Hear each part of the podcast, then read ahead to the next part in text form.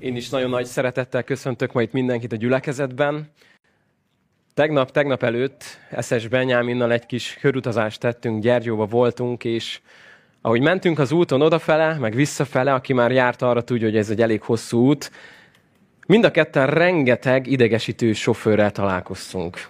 Ismerősek ezek? Azok, akik annyira lassan mennek, hogy felidegesítenek, és azok, akik annyira gyorsan mennek, hogy felidegesítenek. És hogy mentünk ezen az úton, eszembe jutott egy történet. Egyszer egy kislány ment az édesanyjával a kocsival, és általában az édesapa vitte az autót, de akkor az édesanyja vezette. És hogy mennek útközben, egy jó ideje már mennek, és a kislány egy nagyon fontos kérdés feltesz az anyukának, azt mondja, anya, miért van az, hogy azok az idióta sofőrök csak akkor jönnek elő, mikor apa vezet? A mai témánk az a harag lesz, és a gyerekek közben, akik már írni, olvasni tudnak és szeretnek, kapnak egy kis gyerekkalandot, amit ha kitöltenek, akkor a végén kapnak érte egy kis jutalmat. De ez a kis egyszerű történet, amit elmondtam, próbálja megmutatni azt, hogy néha az édesapák úgy látszik, hogy több idióta sofőrrel találkoznak, mint az édesanyák, és néha úgy látszik, hogy ez nem a külvilágon múlik, hanem sokkal inkább a belvilágon. És a mai témánk az, hogy szakíts a haraggal. Nem tudom, hogy kinek van gondja a haraggal, kinek volt valaha gondja a haraggal. Legszívesebben nem téged kérdeznélek meg, hanem a feleségedet, férjedet, gyerekedet, szomszédodat, kocsidat. Megnézzünk, hogy hogyan állunk ezzel a témával. És sok mindent mond a Biblia erről. Szeretném, ha egy kicsit most velem tartanál ezen az utazáson, hogy megnézzünk azt, hogy mit mond a Biblia erről a területről. Egyrészt mondja azt, hogy az utolsó időkben ez egy meghatározó terület lesz, az emberek telve lesznek haraggal, de nem csak így beszél a haragról. Szóval kössük be az öveket, és akkor neki látunk ennek a kis utazásunknak, ami remélhetőleg el is fog indulni, hogyha segítettek nekem ebbe. Az első ige, amit szeretném, hogy megnézzünk, az így szól a Zsoltárok 37.8-ból, hogy tégy le a haragról, hagyd a heveskedést, ne légy indulatos, mert az csak rosszra visz. Szóval a példabeszédek Zsoltárok prédikátor könyvében nagyon sok igeverset fogsz találni a haragról, és a legtöbb egyetért abban, hogy az emberi harag a legtöbb esetben rosszra visz. Volt egy férfi, akinek meggyűlt otthon a baj a csótányokkal. És sokféle módszert kipróbált már, hogy megszabaduljon tőlük, de talált egy csótánybombát. Én még soha nem láttam ilyet, de az volt a leírásában, hogy ezt hagyja bent a házban, ez majd magától úgy kicsit úgy, mintha nem felrobban, de valami olyasmi történik, az illatok, a gázok majd elintézik, hogy ezek a csótányok eltűnjenek. Na most ez, az, ez a kedves barátunk annyira, annyira mérges volt már a csótányaira, hogy úgy döntött, hogy egy nem lesz elég. 25 csótány bombát helyezett el a nappaliában, 25-öt. Mind a 25-öt aktiválta, majd kiment és várta, hogy a csótányok kirepülnek. Ehelyett a szerencsétlennek az összes ablaka repült ki, és az egész ház felrobbant. Ahogy ezek olyan interakcióba léptek, rá volt írva nyilván, hogy egynél többet ne használjon. Ő azt mondta, hogy jaj, ez csak ilyen buta óvintézkedés. És amikor felrobbant a háza, akkor rájött arra, hogy a harag az rosszra visz. Mellesnek megjegyzem, hogy egy hét múlva megjelentek a csótányok a romok között újra, szóval minden túléltek. De azt látjuk, hogy a harag rosszra visz.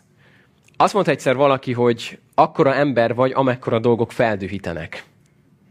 Mik azok a dolgok, amik feldühítenek téged? Mik azok a dolgok, amiktől elveszíted az önuralmat. Ugyanis azt mondja a példabeszédek 29-22, hogy a haragos ember viszágyszít. Az indulatos ember sok bűnt követ el. Az indulatos ember sok bűnt követ el. Benjamin Franklin azt mondta egyszer, hogy az a dolog, ami haraggal indul, az általában szégyennel zárul. Amikor haraggal indul valami az életedbe, az általában szégyennel fog lezárulni. Más valaki pedig azt mondta, hogy legtöbbször a haragunknak van oka, de nagyon ritkán jó az oka. Ugyanis van a haragnak néha jó oka. Hogy a Jézusra gondolsz, akkor volt, hogy megharagudott arra, amit az Isten házából csináltak az emberek. Hogy a pogányok udvarára nem bírtak bemenni a pogányok. Hogy egy marketing központ lett, egy, egy pénzkeresési központ lett abból a helyből, ahova az embereknek be lehetett volna menniük az Isten jelenlétébe. És ez a harag arra összönözte, hogy megtisztítsa azt a helyet. Szóval van olyan harag, ami jóra visz. Valaki elmesélte azt, hogy elment egy boltba egyik este, és azt látta, hogy bejött egy anyuka, és talán nem négy éves kisgyerekével jött be, és hát úgy mindenki felfigyelt rá, hogy elég csúnyán beszél a kisgyerekkel, sőt, nagyon csúnyán. De amikor a kisgyerek valamire nemet mondott, akkor az anyuka egy óriási pofont lekevert neki, és elkezdte bántalmazni, ott a gyereket belerugott, és ekkor ez a férfi nagyon mérges lett. Borzasztóan haragos lett. Oda ment, és megfogta a nőnek a kezét, és azt mondta, hogy még egyszer meg nem erdüsne ezt a gyereket. És hazament, és próbált lenyugodni, de nem tudott. Próbált aludni, de nem tudott. Következő nap megint, hogy fél órát bírt aludni. Mert annyira benne volt ez, hogy én nem hiszem el, hogy ilyenek történnek. Majd megint és megint. Harmadik nap eljutott oda, hogy azt mondta, hogy ő, ő ezt nem hiszi el, hogy senki nem tesz semmit. És kezdte észrevenni, hogy a megnyílt a szem, hogy ez egyre több embernél, egyre több családban probléma is nagyon súlyos bántalmazásokat látott a környezetében. Ez a harag arra motiválta ezt az embert, hogy elment a polgármesterhez, és azt mondta, hogy ha ti nem, akkor meg mi csinálunk valamit. Elindítottak egy olyan szolgálatot, ahonnan sikerült már azóta több száz gyereket kimenekíteni olyan helyekről, ahol az életük veszélyben volt. Ebből elindult az, hogy elkezdtek a különböző szex rabszolgákat kimenekíteni nőket a prostitúcióból. És ez az egész tudod, hogy indult? Úgyhogy felment benne a pupa. És azt mondta, hogy ez így nem lehet Szóval van olyan harag, ami jóra visz, aminek jó az oka. Van olyan harag, ami, ami egy olyan dologra motivál téged, ami Istentől van. De ezt az embert nem az előtte levő sofőr vagy egy csótány idegesítette fel. Nem egy olyan igazságtalanság, amire azt mondta, hogy ez így nem mehet tovább. Úgyhogy szeretném, hogy odafigyelnél arra, hogy néha feldühít valami, ami nincs a helyén. Ha látsz egy, egy helyzetet, és azt mondod, hogy Istenem, ez így nem mehet tovább, akkor lehet, hogy Isten pont téged akar arra használni, hogy ez így ne menjen tovább. De általánosságban azért elmondhatjuk, hogy nem ilyen nemes dolgok miatt szoktunk mérgesek lenni, nem? Hogyha fel kellene soroljuk az utolsó tíz dolgot, ami feldühített, akkor nem tudom, hogy mennyi állná meg a, a szűrőt. Mennyi olyan dolog lenne, amire azt mondjuk, hogy na ez, ez egy olyan Istentől való szent harag volt. Szent harag helyett általában földön hagyott zokni, mosatlan, visszabeszélő gyerek, nem tisztelsz, nem csinálod ezt. Tehát olyan dolgok gyűjtenek minket fel, amik nagyon-nagyon ritkán jönnének az Istentől. És azt mondja a Prédikátor 7.11, hogy ne bosszankodj föl lelkedben hirtelen. Mert a bosszankodás az ostobák szívében tanyázik. Szóval azt mondja, hogy ne bosszankodj föl hirtelen. A bosszankodás az ostobák szívébe tanyázik. Szoktál bosszankodni néha? Nekem ezt nagyon meg kellett az Isten előtt beszéljem, hogy szoktam ám bosszankodni. Mostában volt, hogy pár dolgot kellett a kocsin cseréljek, és előbb-utóbb rájöttem, hogy minden eszköz kalapács lett a kezembe. Csak egy csavart kellett volna kiszedjek, és nem, rozsdás, nem jön ki. És, és, és már azon kaptam magam, hogy miért dühít vele ennyire egy csavar? Miért dühít vele ennyire egy ilyen apróság? És miért veszítem el az irányítást? És az egész onnan ered, a harag, a bosszankodás, amikor kezded elveszíteni az irányítást. Elveszíted. Olyan ez, mint hogy felülnél egy lovasszekére, egy hintóra, hagynád azt, hogy az előtted levő négy ló megzabolásodjon, és jól megütnéd őket, rájuk csapnál az ostorral, elengednéd minden kantárt, hátradőlnél, és azt mondod, hogy na nézzük, hova kötünk ki. Merre jutunk el. Olyan, mint hogyha lenne egy, egy borzasztó erős autód legjobb motorral, tövig nyomnád a gázt, elengednéd a kormányt, és nem egy Tesláról beszélek, tehát nem tudja, merre kell menni, kikötöd a féket, és azt mondod, hogy na nézzük, mi lesz ebből. Egyszer azt mondta valaki, hogy hát tudjátok, én ilyen, ilyen, ilyen hirtelen természetű vagyok, az egész családi ilyen, nekünk ez egy ilyen családi hagyomány, a DNS-ünkben van, de tudod, nem olyan vészes ez, mert úgy, úgy tudom, hogy dolgok felbosszantanak, akkor úgy robbanok egy nagyot, de utána meg úgy, úgy, úgy hirtelen le is nyugszok, és akkor minden jó és szép. És azt mondta neki a lelkész, mikor ezt így mondta neki, hogy drágám, ez úgy hangzik nekem, mint egy shotgun. Amit ugye meghúznak, utána lenyugszik. Az nagyon nyugodt lesz utána. De láttad már, miért lő egy ilyen? Láttad már, mit okoz, amikor a repedékek kijönnek belőle, és, és mindent elpusztítanak, ami a közvetlen környezetébe van? Ezt a fegyvert arra találták ki, hogy ezen nem célba lőnek, nem egy pontot kell eltalálni, hanem elég közelről lősz valakire, abból nem sok minden marad. És a haragunk tud ilyen lenni. Megy fel benned a pumpa, és azt érzed, hogy most meghúzom a ravaszt, és utána olyan jó lesz minden, utána lenyugszok, utána minden lecsitul, csak körülötted holtestek hevernek mindenhol. És ez a nagy kérdés, hogy mit tudunk akkor tenni. A példabeszédek 22 azt mondja elég komolyan, hogy ne tarts barátságot a haragos természetűvel. Ne járj együtt a heveskedővel, és figyelj miért, mert olvasd velem együtt, mit csinálsz? Megszokod az ösvényeit, és magadnak állítasz csapdát. Megszokod azt, amit ő csinál, és elkezded is azt csinálni. Természetes lesz. És elkezdjük magunkat általánosításokkal felmenteni, hogy aj, tudod, mindenki ilyen, meg a család, meg a szomszéd, meg a főnök, meg apukám, anyukám, mindenki ilyen volt. Én, én ilyen vagyok, engem így kell elfogadni. Tudod, mi az új szövetségnek az üzenet, hogy te nem vagy ilyen. Te kaptál egy új teremtés Krisztusban, és nem bujkálhatsz ilyen ócska kifogások elé, hogy ilyen volt apukám, apu, meg nagypapám, meg mi ilyennek vagyunk. Ez hazugság. Azt mondja a Biblia, hogy megszabadított minket az atyáinktól örökölt hiába való életmódtól. És ezért nem az kell legyél, aki a felmenőd, meg a nagypapád, meg a dédid volt, hanem te egy új teremtés vagy Krisztusban. És mindent megkaptál ahhoz, hogy az indulatodon uralkodj. Mindent. Figyelj, mit mond a következő mondat? Azt mondja, egész indulatát szabadjára ereszti az ostoba. De, de a bölcs végül lecsendesíti.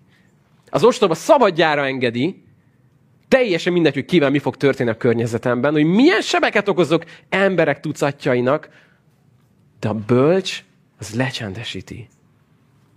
Volt egy reptéri alkalmazott, aki kezelte a csomagokat, meg átvette a bőröndöket, és a soron következett egy idős férfi, akinek már a tekintetén látszott egy borzasztó mogorva ember, már mindenkivel ott, ott szóba elegyedett nagyon csúnyán a sorban is, és mikor ő jött a soron, akkor elkezdte ócsárolni azt a fiút, aki kezelt a bőröndöket, hogy lassú, meg nem jól csinálja, nem jól fogja meg, azt nem úgy kell, vigyázzam már rá jobban, és én nagyon-nagyon-nagyon bunkó módon beszélt vele. És ott nézték a kollégák, hogy fú, szegény srác mikor fog felrobbanni, és ő a legnagyobb szeretettel nem szólt vissza, rendben uram, nyugodjon meg, minden a legnagyobb rendben is. Elment a bácsi, és kérdezték tőle, hogy te, te hogy bírtál ilyen nyugodt maradni? Hát ez az ember, az, az kritikán aluli dolgokat csinált veled. Azt mondja, én nagyon nyugodt voltam. Láttam, hogy megy New Yorkba, én meg feladtam a csomagját Buenos Airesbe. Lecsendesítette magában ezt a dolgot. Mosolygott, uram, persze, nyugodtan, értem én magát, menjen csak. Nem biztos, hogy így kell lecsendesítsd a haragodat.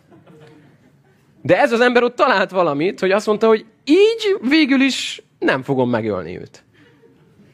Azt mondja az ige, hogy a bölcs lecsendesíti. Hogy nem engedi el, nem engedi el a lovakat. A bolond megteszi. Azt mondja, hogy ami jön belőlem, érzelem, indulat, az hadd robbanjon! És tudod, ez egy nagyon nagy üzenet az új szövetségnek, hogy nem vagy az érzelmeid fogságában. Az érzelmek fontosak. Nagyon fontosak, mert visszajelző szenzorok nekünk. Jelzik azt, amikor valami történik. Nagyon fontos a fájdalom érzetünk is. Gondolj bele, hogyha nem éreznéd azt, hogy beleültél egy szegbe. Ha nem lenne, ami jelez neked, hogy baj van. De nem engedhetjük, hogy ezek irányítsanak minket. Jeleznek. Jeleznek nekünk néha jól, néha rosszul. Néha, néha rendben van a dolog, néha nincs rendben. És amikor megérted azt, hogy egy érzelem, ami jelez neked, az lehet igaz, és lehet fals. Hogyha valakit nagyon csúnyán megbántottál, hazamész és rosszul érzed magad, barátom, akkor jól érzed rosszul magad. Akkor ez arra kell, hogy motiváljon téged, hogy felhívd ezt az embert, és azt mondta, hogy figyelj, bocsáss meg nekem, nincs mentségem. Nagyon csúnyán beszéltem veled, ez így nem volt jó. És ez az érzelem ilyenkor jól jelez neked vissza. De van, az, van olyan érzelem, ami fals. Kapsz egy visszajelzést. És azt megvizsgálod, és azt mondod, hogy ez most nem jogos. Vagy menne fel benned a pumpa, de megnézed, hogy ez nem egy olyan szent harag. Ez az egomból jön ez a harag. Ez a sértődöttségemből jönne ez a harag. És azt mondod, hogy nem engedem, hogy ez irányítson engem. Nem engedem, hogy az érzelmeim rabságába legyek. És most jutunk el az új szövetség Efézusi levélhez. Azt mondja az Efézus 4.26. Haragudjatok, de de ne védkezzetek. A nap ne menjen le a haragotokkal. Helyet se adjatok az ördögnek. Szóval azt mondja itt Pál, néhány fordítások úgy mondja, hogy ha haragusztok is. Valamik azt mondja, hogy haragudhattok. Szó szerint azt mondja görögben Pál, haragudjatok. Felszólító mód, imperatívus, de de ne vétkezzetek. Szóval van olyan harag, ami nem vétek. Van olyan harag, ami viszont vétek. És azt mondja, hogy ne menjen le a nap a ti haragotokkal. És itt mond egy nagyon fontos mondatot hozzá. Azt mondja Pál, helyet se adjatok az ördögnek. Szóval, rakjuk össze, miről beszél Pál. Azt mondja, hogy a haragszól, és védkezel ezzel, olyan haragod van, és hagyod, hogy lemenjen veled a nap, akkor ezzel mit fogsz tenni az életedben? Helyet fogsz adni az ördögnek. Az életedben helyet fogsz adni az ördögnek. Láttál már olyan embert, amikor így megláttad messziről, és az volt benned, hogy húha, maradjak távol tőle. Rémisztő volt, ijesztő volt, nem tudom, idegesítő volt, büdös volt, bármilyen volt, és, és próbáltad volna elkerülni. Na hadd mondjam el, hogy az ördög ennél sokkal csúnyább. Egy embergyilkos, akinek az a célja, hogy tönkre tegyen mindent. Beengednéd őt a családodba? Beengednéd őt az életedbe? Beengednéd őt a hálószobádba? Te azt mondja az ige, hogy tudsz neki helyet adni a haragoddal, a sértődöttségeddel, az indulatoddal, amikor ezt szabadjára engeded, és helyet adsz neki az életedben. Jézus azt mondta, hogy jön a világ fejedelme, de nem félek tőle, mert mit mond? Nincs bennem semmije. Nem adtam neki helyet az életemben. Semmit. Nem adtam neki helyet. És azt mondja hogy Pál, ne adjatok neki helyet. Haragudjatok, persze. Van, hogy megélünk helyzeteket. Van, hogyha valaki nagyon megbánt, az rosszul esik neked. Hazamész és leteszed az úr előtt is, és van ennek folyamata, van ennek jelenlét, amikor meggyászolsz egy helyzetet, amikor valamit, valamit megélsz magadban, és engeded, hogy ezt nem elzárod, meg magadban nyomod, hogy majd egyszer sok év múlva robbanjon, hanem megéled magadban, de azt mondja, hogy ne menjen le a nap a haragoddal. Ne menjen le a nap a te haragoddal. Ez egy nagyon fontos egyes oktatási tanács. Amikor a jegyesekkel beszélgetünk, és fogják egymás kezét, aranyosan mosolyognak, és mondom, hogy, hogy volt már ilyen, hogy konfliktusotok volt? Nem, mi nagyon szeretjük egymást, nekünk sosincs semmi, még nem. Egyszer volt, hogy nem értettünk egyet, hogy melyik filmet fogjuk nézni, de aztán végül egyet értettünk, és mind a kettőnknek nagyon tetszett. És akkor én mondom nekik, hogy drágák, figyeljetek, lesz, amikor haragudni fogtok egymásra. Jaj, de hogy is. Tudom, mi nem leszünk, nekünk sose lesz vitánk, mi mindig olyan szép és jók leszünk, és mondom, oké, okay, ha egyszer esetleg majd lesz ilyen, hogy haragudni fogtok, ha lesz, csak tényleg rakjátok el oda zárójelbe. Ne aludjatok el este, beszéljétek át. Menjetek oda, kérjetek bocsánatot. Jó, jó, Barni, de, de mi nem vagyunk olyanok. Általában szoktunk csinálni egy oktatást az esküvő után is. Néhány hónappal. Akkor meg kicsit máshogy sikerül beszélgetni a konfliktusokról. Már van, hogy beülnek a irodába, és nem úgy fogják egymás kezét éppen, hanem Na mondom, hogy telt az elmúlt pár hónap? Egész jó, jó, jó volt. Na mondom, akkor beszéljünk erről a napocskáról, jó? Azt mondja az ige, ne menjen le a nap a te haragoddal. És tudod, mekkora helyet adsz az ördögnek akkor, amikor belelátsz olyan emberek életébe, amikor látod, hogy az a nap nem hogy, nem, hogy nem ment le tegnap, hanem mondjuk 28 éve nem ment le. 28 éve ott van, és, és nem képesek elengedni dolgokat, haragusznak egymásra, mérgesek, bosszankodnak, robbangatnak ezek bennük. Pedig azt mondja az Isten, hogy ne adj ennek helyet az életedben. Ne adj ennek helyet az életedben. És lehet haragudni celebekre, sztárokra, de tudod, hogy ez mindig a családban a legveszélyesebb? A hozzád legközelebb álló emberekkel a legveszélyesebb. Egy vasárnap iskolában beszélgettek a gyerekek a vasárnapi tanítóval, és a tíz parancsolatot olvasták éppen, elolvasták, és akkor kérdezte a tanító, hogy na drágány, mit mond ez arról, hogy hogyan kell a szülőkkel viselkedni? És mondták, hogy hát azt mondja a Biblia, hogy tiszteljük őket, igen. Na és csak a szülőket kell tisztelni, vagy mond valamit ez a tíz parancsolat a testvérekről is? És egy négy éves kisgyerek azt mondta, persze, én itt mondta, hogy ne őj. Beszél a testvérekről is. És akkor megérted azt, hogy ezeket legnehezebb megélni a családodban, a legszorosabb kapcsolataidban. És ezért jutunk el Jakabhoz, aki azt mondja, legyen minden ember gyors a hallásra, és késedelmes a szólásra. Késedelmes a haragra. Mert az ember haragja nem szolgálja Isten igazságát. Nem szolgálja Isten igazságát. Azt mondja, legyen minden ember gyors a hallásra, és késedelmes a szólásra. Késedelmes a haragra. Mert az ember haragja nem szolgálja Isten igazságát. Volt már, hogy gyors voltál a szólásra, aztán megbántad. Hazamentél, és úgy átgondoltad a dolgokat, és, és azt mondtad, hogy uff, akkor úgy jól esett. Kiadtam magamból, de, de nem is gondoltam komolyan, amit mondtam. Talán Abraham Lincolnról olvastam, ha jól emlékszek azt, hogy amikor valakitől kapott egy csúnya levelet, egy kritikát, egy, egy, egy nagyon szurkálódó dolgot, mindig két levelet írt neki. Megírta az elsőt, amiben jól érezte magát. Megírta neki az első levelet, amit soha nem küldött el. Leírta azt, hogy te mekkora egy senki házi vagy, hogy ezt írod nekem, és mit képzelsz magad? Nekem beszélsz, néztél már magadra? És ezt leírta, hogy kiadta magából, majd bedobta a kájhába. Kedves barátom, köszönöm a leveledet is, és miután kiadta magából az összes indulatát, egy levélbe, amit soha nem fog elküldeni. Azt mondta, akkor most megírok egy levelet, amit elküldök neki. Ahova már nem ezt fogom leírni így. Ahol már, már késedelmes vagyok az írásra. Nem ezt csinálta Dávid, amikor feldühítették, amikor olyan helyzetekbe került, és írt egy levelet nem az embernek, hanem az Istennek, Zsoltárok könyvét. Vannak ott ámátok Zsoltárok jócskán. Olyan levelek, amiket Dávid nem akart elküldeni másoknak. De megírta az Istennek, hogy Uram, azért ez most nagyon fáj, amit tettek. Ha kérhetnék valamit, ha kívánnék, azt kívánnám, hogy. És olyan változatossággal írja le Istennek a bosszú ötleteit, hogy mit tehetné meg Istenem, hogy az elképesztő. De tudod, mi ebben az érdekes, hogy Dávid ezeket mind megtehette volna saját maga királyként.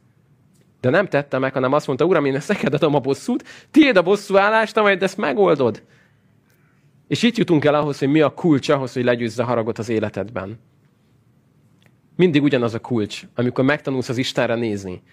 Amikor 2 Mózes 34-ben Isten Mózessel beszélget, és kijelenti magát, hogy kicsoda ő, akkor az egyik karakter, amit mond magáról Isten az, hogy az Úr késedelmes a haragra. Tudod, honnan tudjuk, hogy az Úr késedelmes a haragra? Onnan, hogy van még emberiség. Ha Isten nem lenne késedelmes a haragra, akkor nem lenne emberiség. De nem csak tegnap halt volna már ki, hanem mondjuk ugye az első, második, harmadik embernek vége lett volna a történetnek. És nem lennének emberek. Lehet lennének droidok, vagy robotok, vagy nem tudom, de emberek nem lennének. Mert olyan sokféleképpen, ezerféle okot adtunk Istennek, hogy összetaposson minket is, megszabaduljon az embertől, annyi fájdalmat okoztunk neki, hogy minden oka meg lenne arra, hogy megszabaduljon az embertől. De az egyik első dolog, amit kijelent magáról, az az, hogy az Úr késedelmes a haragra. Tudod, hogy mondja ezt Héberül a Biblia? Egy nagyon érdekes kifejezés. Késedelmes a haragra azt jelenti, hogy hosszú az óra. Hosszú az óra. Ezen sokat gondolkodtam, hogy mi? Képzeld el, hogy amikor ezt hallanád, hogy mondja az úr, hogy Mózes, elmondok neked néhány dolgot magamról. Hosszú az óram. És de ennek mi az értelme? És azt mondják a szakértők, hogy ez egy nagyon mély kifejezés a héber nyelvben aminek az nagyjából az értelme, sokféleképpen meg lehet közelíteni, de az egyik az, hogy amikor mondjuk elmész reggelente futni, és tanítják neked, hogy ne a szádon vedd a levegőt, hanem az órodon. Miért? Mert hogy a szádon veszed, akkor hirtelen bemegy oda a hideg levegő, de ha már az órodon keresztül megy, akkor egy kicsit már felmelegszik ott, meg tudom is én, nem vagyok nagy futó, de ezt mondták egyszer nekem. Na most, hogyha valakinek nagyon hosszú az óra, akkor nagyon sok idő van arra, hogy ez a hideg, fagyos levegő megmelegedjen, mire bejut a tüdőbe. És azt mondja az Isten magáról, hogy tudjátok, én ilyen vagyok. Hogy hirtelenjében úgy össze tudnám taposni az emberiséget. Egy pillanat alatt megérdemelni. De aztán megenyhül a szívem, és írgalomra jutok. Megenyhülök, és rátok nézek, és azt mondom, hogy szeretlek titeket. És új esélyt adok. Sőt, eljövök, hogy megszabadítsalak titeket. Na, ilyen az Isten. Késedelmes a haragra. És hogy ezt meglátod magadban, meglátod, hogy te ezzel küzdködsz, nyugodtan, ha amikor hazamész, akkor legyél őszinte, kérdezd meg a családodtól, és szerintetek nekem ezzel, ezzel van bajom? Kell ezzel foglalkozzak? Aztán ne, meg ne haragudja válaszol, jó? Tehát, hogyha megkérdezed őket, hogy van-e bajod a haraggal, nem haragudhatsz meg arra, amit mondani fognak. De kapj egy, egy őszinte tükröt arról, hogy, hogy milyen érzés, milyen érzés a fiamnak lenni, milyen érzés a, a feleségemnek lenni. Hogy, hogy, hogy látod, hogy kell ezen formáljon engem az Isten? Néha nem látunk magunkba tisztán. De amikor Jakab erről beszél, a haragról, hogy legyünk késedelmesek, akkor tudod, mi a folytatja? Azzal folytatja, hogy szeliden fogadjátok a belétek oltott igét, amely meg tudja tartani lelketeket, és azt mondja, hogy tekintsetek bele abba a tükörbe, amiben meglátjátok magatokat, és megváltoztat titeket az Isten. Nem csak belenézel a tükörbe, ha belenézel a tükörbe, két választásod van. Vagy lecseréled azt, amit látsz a tükörbe, vagy lecseréled a tükröt. Ha nem tetszik, amit látsz, akkor vagy a tükröt fogod lecserélni, vagy azt, amit látsz éppen, amit helyre kell tenned. És ez a szabadság tökéletes tükr, amiben belenézünk. Nem a törvény tükrében nézel bele. Nem vagy jó, nem vagy elég jó, jobban kell, ügyesebben, már megint elrontottad. Nem ebbe a tükörbe nézünk bele, hanem a szabadság tökéletes tükrébe. Ahol belenézel, és azt mondja az Isten, hogy igen, most lehet ez így néz ki, de tudod, milyen klassz lesz, ha megengeded, hogy én megcsináljam. Reggelente, amikor megyünk koviba, um, általában Magdi csinálja Elizabetnek a haját, és ez általában jó. Na most néha nagy ritkán volt, hogy én magamra vállaltam, hogy megcsinálom. Ez nem volt jó. Nekem se, Lizinek se, és a környezetének se. És, és aztán, amikor Magdi bejött, és látta, hogy új, mi történt itt, akkor, akkor néha csak így belenéztünk a tükörbe, és láttam azt, hogy hát az én fejemben ez jobbnak tűnt. Ez most, most valahogy olyan, olyan fura ez az egész. És azt mondja, semmi baj, Lizi, én már látom, hogy mi lesz ebből. Belenézett a tükörbe, és nem azt látta, hogy mennyire rossz, hanem azt látta, hogy mi lesz ebből. Mi lesz ebből? Isten így lát téged. Nem azt látja, hogy fú, te nagyon kevés vagy. Ú, de gyenge vagy. Ú, hanem azt mondja, látok benned valamit. Látom benned azt, amit az én kegyelmem ki fog munkálni benned, ha engeded. Látom azt, hogyan megszabadulsz ettől. Látom azt, hogyan kijössz a harag verméből, hogy kijössz az indulatosságból, kijössz abból, hogy az érzelmeidet szabadjára engeded és pusztítsd a környezetedet. Látom azt, ahogyan bennem megtanulod, kezelni ezt. Ahogyan, ahogyan a kezedbe adom ezt a gyeplőt, és irányítani fogod. És nem engeded, hogy tönkre tegyen minden. Nem engeded, hogy felrobbanjon a házad. És nem adsz helyet az ördögnek az életedben. Hadd mutassak nektek még egy egyszerű példát. Volt egy történet, arról szólt, hogy ez is egy repülőn történt. Amikor volt az átszállás, akkor az egyik hölgy, aki ment a repülővel, és tudta, hogy most sokat kell várjon a, a másik járatra, elment a boltba, és vett egy ilyen ehhez hasonló kis chipset, édességet, és uh, leült egy padra, hogy egy kicsit megpihenjen, lerakta maga mellé ezt a pufit, és kicsit pihent, és hirtelen az, egy furcsa hangot hallott, mint hogy valaki kibontaná. És így oldalra néz, és látja, hogy egy férfi kibontja. Kibontja a pufit, és így belenyúl, és elkezd belőle lenni. És a nő így néz, tudod, először azt mondja, hogy annyira, annyira lesukkolódott, hogy azt se tudta, hogy mit mondjon neki. És így azért úgy próbálta jelezni a dolgot, hogy a nő így elég határozott mozdulattal belenyúlt, és kivette egyet, tehát ez az övé. Eltelt egy kis idő, a férfi belenyúlt, és kivett, hogy hármat. A nő ilyen konfliktus kerülő volt, tehát nem akart ő ezt szóvá tenni, de belenyúlt, és kivett négyet. És a férfi mosolyog rá, hogy ő meg villámokat szól rá.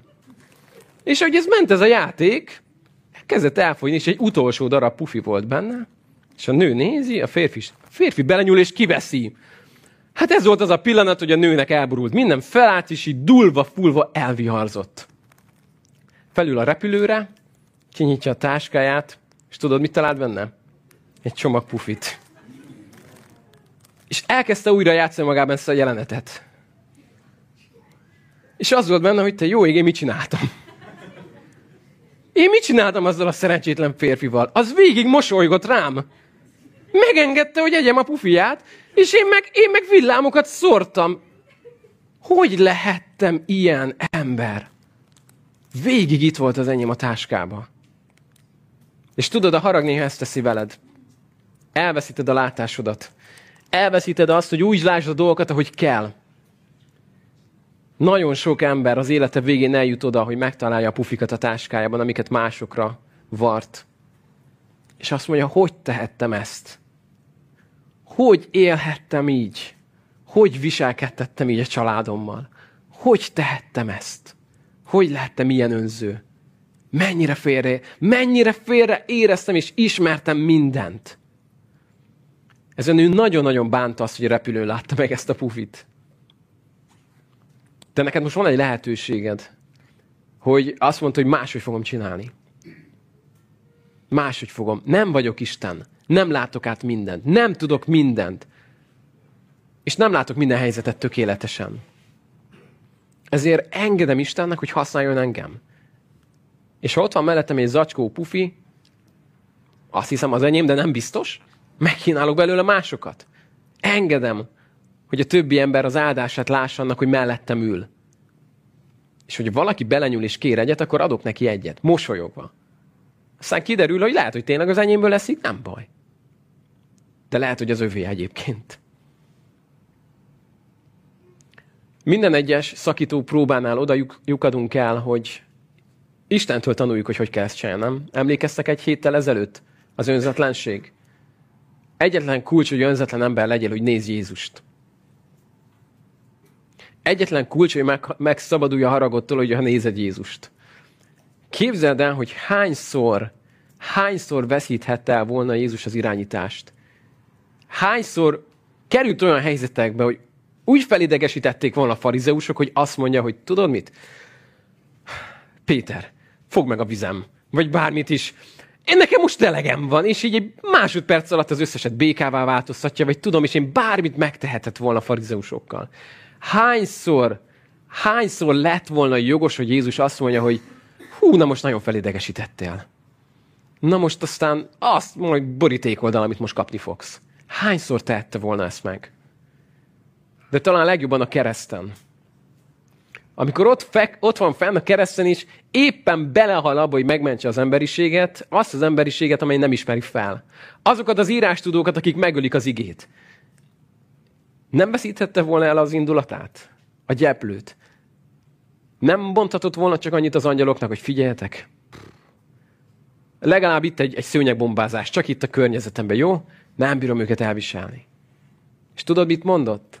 Azt mondta Jézus, atyám, bocsáss meg nekik. Nem tudják, hogy mit tesznek. Amikor látsz embereket, akik miatt elveszíthetnéd a fejedet, akkor kérdezz Istentől, Uram, kélek, bocsáss meg neki. Nem tudja, hogy mit tesz. Szeretném, ha megértenéd, hogy legtöbbször azok az emberek bántanak, akiket bántottak. Azok az emberek sértenek, akiket sértettek. És ez nem mentség a bűnükre. De talán egy magyarázat neked, hogy te ne vidd tovább ezt a dominót. Hanem azt mondta, hogy oké, okay, ez most fájt, rosszul esett, de akarom látni emögött az embert. Nekünk nagyon nagy, nagyon nagy változást hozott a házasságunkban, amikor a másik valami goromba dolgot mondott, és nem azt mondtuk, hogy igen, ezt mondtad nekem, na jó, akkor, hanem tovább léptünk ezen, és azt mondtuk, hogy figyelj, mi van veled? Mi történt? És kezdtük megérteni, hogy az a dolog, ami most a másikból kijött, az most elmetünk karatézni, és, és mehet egy jó kis szócsata, de mi van akkor, hogy a mögé látunk? És azt látom meg, hogy te figyelj már, mi van veled? Mi történt? Mi, mi, mi az, ami ezt okozta benned most ezt az indulatot? És amikor engeded azt, hogy Uram, kérlek, használj engem a másik felé. Hogy késedelmes legyek a szólásra. Késedelmes legyek a haragra hogy megírjam azt az első levelet, és ne küldjem el soha. Hogy megírjam azt az első levelet neked, mert te tudod kezelni a haragomat. És ez egy nagyon fontos dolog, hogy ne zárd el magadba, mert az robban, hanem engedd oda az Istennek. Annyi ébredési lelkészről olvastam azt, hogy mikor valaki ment az irodájába, és mondta titkán, hogy nyugodtan menjen be, ott van a lelkész úr, és visszajött, kikerekedett arccal a hölgy, hogy kicsit várok, mert van benne nála valaki, de nagyon kiabálnak. És mondta, nem, csak imádkozik. Menjen be nyugodtan. Történt pár dolog, amit most az úr, úrnak úgy odaad, és, és, és ilyenkor, igen, ilyenkor hangos fenszóval szokta ezt elmondani, hogy amit elég gyakran megtalálsz az, a Bibliában, az, az Zsoltárban, hogy hangos felszóval kiáltok hozzád, Istenem. De ezért nem éget ki a belsájának az embernek, mert tudta odadni ezt az Istennek. És tudta, hogy ezt az Istennek kell odadnia. Nem a médiára kell kírjam, nem a posztokba kell, hogy a világá kürtöljem, hanem az Istenek odadom, hogy Uram, kérlek, kezdj ezzel valamit, mert én ezt nem bírom magamba tartani. Nem vagyok arra kitalálva, hogy ezt tálaljam, hogy ez, ez magamban megmaradjon. És szeretném ma erre bátorítani. Hogyha amikor hazamész, lehet, hogy valakitől bocsánatot kell kérjél. És azt kell mondd, hogy nincs mentségem arra, amit tettem, ahogy bántam veletek, ahogy kiabáltam, ahogy viselkedtem. Nincs mentségem rá. És igen, ilyen voltam eddig. De eddig és nem tovább. Nem adok többé helyet az ördögnek az életembe. Nem engedem meg, hogy megragadja a kormányt, és azt csináljon, amit akar. Nem engedem meg neki. Mert egy új teremtés vagyok, és Jézus vére folyik bennem, egy új DNS-em van. És ez felül fogja írni azt a régi kódolást, amit kaptam. Egy, egy szoftver frissítést adott az Isten, és újjá, újjá szült engem. Ezért nem az vagyok, aki voltam, hanem egy új teremtés vagyok Krisztusban. És szeretnélek most erre bátorítani, hogy engedd meg az Istennek, hogy ezt megtegye benned. Hogy tanítson erre. De ennek a kulcsa az, hogy nézed őt. Nézed őt, és azt mondod, Uram, köszönöm, köszönöm, hogy még nem lett minden eszköz kalapátság kezedbe, mikor velem dolgoztál. Köszönöm azt, hogy adtam ezer okot, hogy csalódj bennem, de még mindig szeretsz. Köszönöm, hogy annyiszor leírhattál volna. De inkább beírtál a történetedbe és a könyvedbe. Köszönöm ezt a meg nem érdemelt jóságodat. És Uram, látod, hogy most nehéz, mert valaki megbántott, valaki ezt tette, de, de akarom odaadni nekem a saját haragomat neked is. Kérlek is, amit tisztíts meg. És adj nekem a te haragodból. Egy olyan haragból, ami, ami tőled jön. Ami akkor jelenik meg, mikor, mikor nem az történik ezen a világon, aminek kellene. Hogy engem használja arra, hogy ez a harag motiváljon. Hogy megváltozzanak helyzetek, gyülekezetek helyreálljanak, emberek megtérjenek. Használja erre Istenem. Szeretném, ha most tudnánk megállni az Isten előtt is, és kiönteni neki a szívedet. Úgy hiszem, hogy van mit ilyenkor elmondjunk az Istennek. Nekem annyi mindent kell ilyenkor elmondjak az Úrnak. Olyan jó oda menni újra és újra az Istent, és azt mondani, hogy Uram, köszönöm, köszönöm, hogy hozzád jöhetek. Köszönöm, hogy van új kegyelem, amely reggel megújult felettem. Köszönöm azt, hogy nagy a te kegyelmed. Köszönöm, Istenem, azt, hogy itt vagy. És köszönöm azt, hogy akarod, hogy rád hasonlítsak. Köszönöm, hogy akarod, hogy olyan legyek, mint te. A te képmásodra akarsz engem formálni. Köszönöm, hogy értsd ezt most nagyon jól, de nagyon hosszú orrot fogsz nekem adni. És meg fogod adni nekem, hogy nekem legyen a világon a leghosszabb orrom, és azt mondhassam, hogy nem számít, milyen fagyos levegőt fogok beszívni. Mire az bejut a tüdőmbe, addig az felmelegszik. És nem számít, hogy milyen savanyú citromot kapok, abból olyan limonádé lesz, mire lenyelem, a te kegyelmedből, Istenem. Mert azt nem tudod befolyásolni, hogy mit fognak emberek veled tenni. Azt viszont csak a te döntésed, hogy mit kezdesz azzal itt benne a szívedben. Csak a te döntésed. Azzal hadd fejezem be, hogy tegnap, tegnap előtt, hogy említettem, Gyergyóba voltunk, és annyira gyönyörködtem Isten munkájában ott, amit Novák Zsolték végeznek. Annyi nehézségen keresztül, annyi támadáson keresztül. És hogy beszélgettem vele, annyi, annyi mindent megosztott az életéből, mennyi támadást kaptak a, akár a magyarságuk miatt, vagy gyülek, annyi minden, annyi minden miatt panaszkodhatott volna, és lehetne most egy megkeseredett ember is. Tudod, milyen ember volt? Egy örömmel teli ember, egy fantasztikus, élettel teli ember, mert nem ezekre nézett, hanem az, hogy és mit tett ebből az Isten? És hogyan fordította ezt az ő dicsőségére? És hogyan cselekedett az Isten? Szeretném, hogy tudnánk ezt megtanulni az Úrtól. Arra kérlek, hogy most csak csukd be a szemed, és engedd azt, hogy Isten mélyebben beszélgessen veled, mint ahogy bárki tudna most. Engedd azt, hogy elvegye tőled ezt a mérget. És engedd azt, hogy visszaadja a kezedbe a kormányt. Amit lehet, hogy már rég adtál. Engedd azt, hogy megszabaduljatok egy főbérlőtől, egy albérlőtől, egy ördögtől, aki belépett a házadba, és mondd azt, hogy eddig is nem tovább. Nem maradsz meg az életünkbe. Nem engedem, hogy tönkreted a családomat. Nem engedem, hogy tönkreted a házasságomat. Nem engedem, hogy tönkreted a gyerekemet rajtam keresztül. Nem engedem. Ezért mondja az igaz, hogy a ti beszédetek legyen sóval fűszerezett, kedves, hogy áldás legyen azoknak, akik hallgatják. Isten egy olyan embert akar belőled formálni, hogy emberek, akik hallják a szavaidat, ezt áldásnak éljék meg. Hogy de jó, hogy a közeledben élhettem. De jó, hogy az apám voltál. De jó, hogy az anyám voltál. De jó, hogy a szomszédom voltál. Erre mi nem lennénk képesek, de az Isten képes. Gyertek, kérjük ezt most tőle. Isten, én áldalak téged azért, mert jó vagy. Áldalak téged, Uram, azért. Mert te tudod, Uram, azt a sok mínusz plusz átalakítani az életünkbe. Uram, te vagy az egyetlen, aki nekünk ebbe példát tudtál mutatni, hogy a harag helyett a te irgalmadat mutattad meg ezer ízig. És köszönöm, Atyám, hogy a te haragod nem maradt rajtunk Jézus miatt. Hogy aki benned van, az a te kegyelmeddel, a te jóságoddal, jó indulatoddal találkozhat. Köszönöm, hogy a harag nem ránk sújtott le, és Uram, annyira hálás vagyok azért, hogy megbocsátottál, hogy újjátettél. És köszönöm neked, Istenem, azt, hogy te akarod, hogy változzon az életünk. Akarod, Uram, hogy rád hasonlítsunk, és köszönöm Istenem azt, hogy ezt nem ránk erőltetett kívülről, hanem bennünk, te drága szellemeden keresztül akarod ezt kimunkálni. Köszönöm, Atyám, hogy neked fontos az, hogy, hogy hogy élünk, fontosak a kapcsolataink, fontos az, hogy hiteles legyen az életünk. Köszönöm, Atyám, hogy Te akarsz dolgozni azon, hogy helyreálljanak családok, hogy kapcsolatok megtisztuljanak. Istenem, odaadjuk neked a nyelvünket, és azt kérjük, Uram, hogy tisztítsd azt meg, hogy legyen az az áldásnak a forrása, hogy aki azt hallja, az azért hálát adjon. És szeretnénk, Uram, neked odaadni a fájdalmainkat, a sértettségeket, minden, minden olyan dolgot, ami, ami bennünk fel tudna robbanni. Odaadjuk azt neked. Köszönöm Isten, hogy te tudod kezelni. Köszönöm, hogy te tudod hatástalanítani. És köszönöm, Atyám, azt, hogy minden megvan benned, minden kegyelem, minden jóság, minden igazság és szentség, hogy ez kimunkált bennünk ebben a gyülekezetben. Szeretnénk, Uram, hogy ezt megtennéd, és szeretnénk, hogyha úgy ismernének minket olyan emberekként, akik ebben is ráthasonlítunk.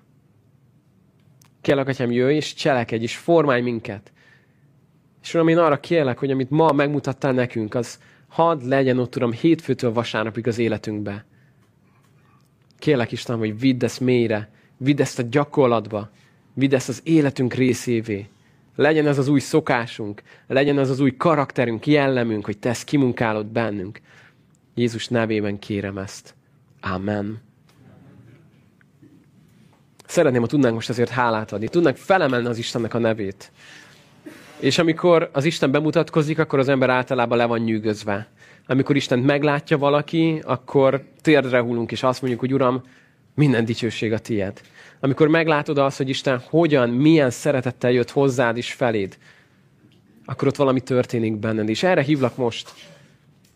Hogy amikor az Isten előtt állunk ezekben az énekekben, akkor ez ne csak egy ének szövegnek az elmondása legyen, hanem engedd azt, hogy ebben az imádatban Isten ott lakozik. Ő ezt mondta, hogy ott lakozik, ahol őt imádják. Ő ezeket az imádókat keresi, akik nem a Garizim hegyén meg Jeruzsálemen lovagolnak, hanem szellemben és igazságban keresik az atyát, és imádják őt. És erre hívlak, hogy legyél most egy ilyen imádója, csak legyél ott az Úr előtt. Ha kell, térdelj le, borulj le, ülj le, emeld fel a kezed, de mondd azt, hogy Uram, itt vagyok, akarok feltöltődni veled. Akarom azt, hogy te legyél most nagyjá bennem. És tudod, az Isten ilyenkor dolgozik benned. Néha észre se veszed, de mire kimész ezen az ajtón, más ember leszel. Arra kérlek, hogyha teheted, állj fel, tedd azt, amire Isten indít most téged, de, de legyél részes ennek az imádatnak. Ne csak nézd, ne egy, ne egy közönségbe legyél benne, hanem a közösségben az Isten imádóival.